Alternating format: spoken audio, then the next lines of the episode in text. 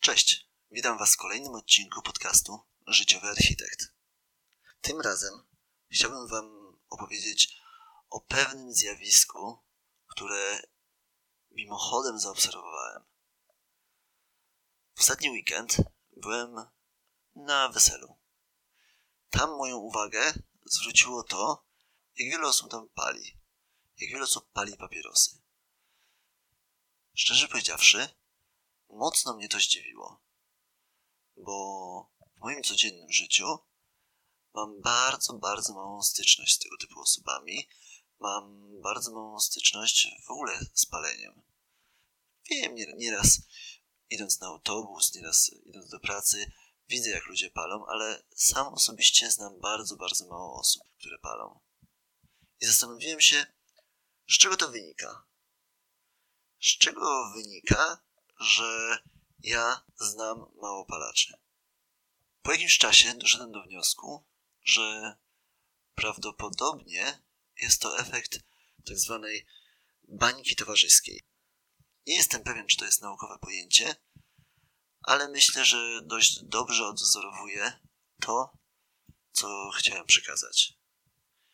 Mianowicie jest trochę tak, że w miarę tego, jak jesteśmy starsi, w miarę tego, jak e, mamy coraz stabilniejsze życie, to nasze grono znajomych się zawęża. O niektóre znajomości dbamy, niektóre porzucamy, bo nam nie pasują. Nieraz poznajemy nowych ludzi, niektóre kontakty nowo poznane chcemy zachować, niektórych nie chcemy zachować. Z czym to jest związane? Jest trochę tak, że szukamy ludzi podobnych sobie w tym całym świecie, pośród wielu ludzi, których spotykamy, których poznajemy.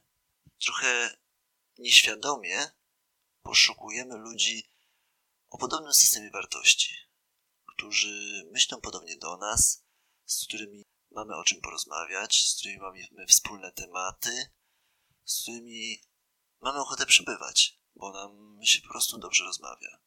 Mogą to być osoby inspirujące, mogą to być osoby, z którymi się dobrze czujemy, nasi przyjaciele, dobrzy, dobrzy znajomi.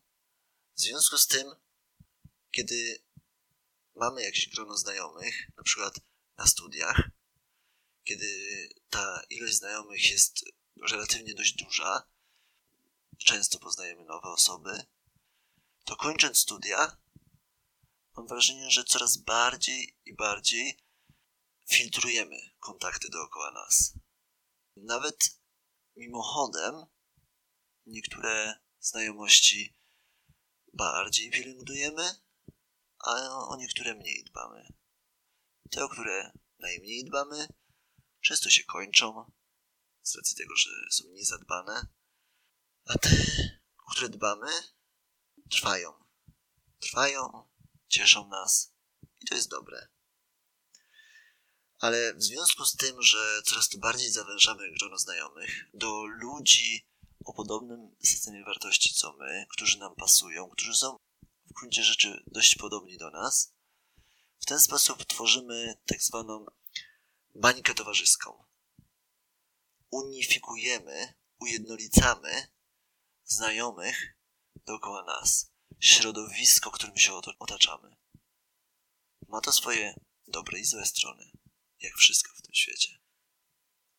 Oczywiście niezwykle dobrą stroną tego zjawiska jest to, że dzięki temu poświęcamy czas ludziom,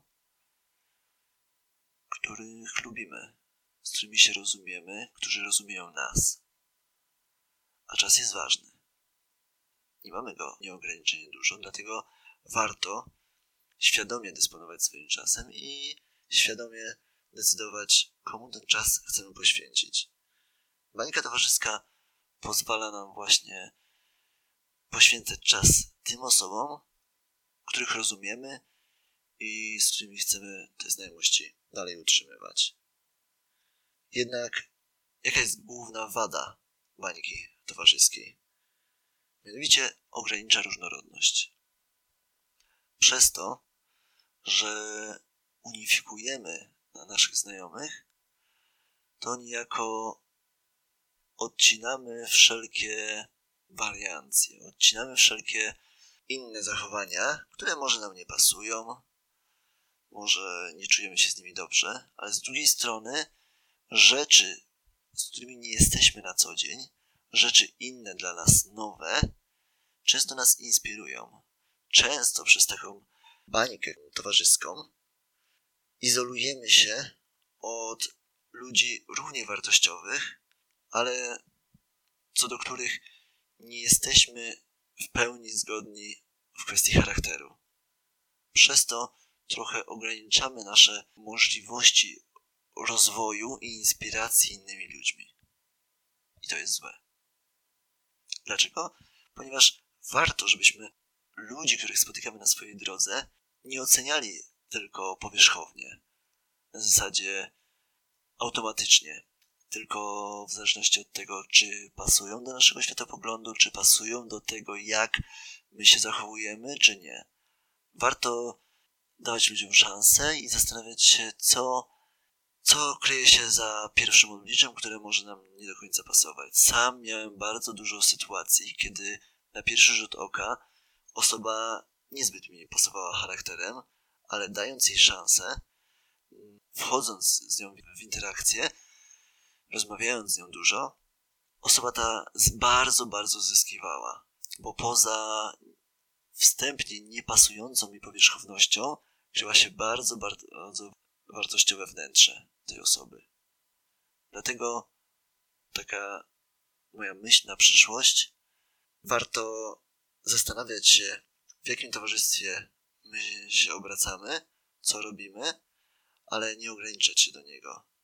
Dawać szansę ludziom dookoła, z którymi mamy szansę nawiązać jakieś znajomości, bo dzięki temu rozszerzymy nasz, nasze myślenie, rozszerzymy to, w jaki sposób widzimy świat, bo dzięki różnym ludziom dookoła nas, dzięki temu, że będą nas otaczali różnorodni ludzie, a nie jednolici pod względem zachowania czy, czy różnych myśli, dzięki temu rozszerzamy to, w jaki sposób widzimy świat, bo widzimy świat ich oczami.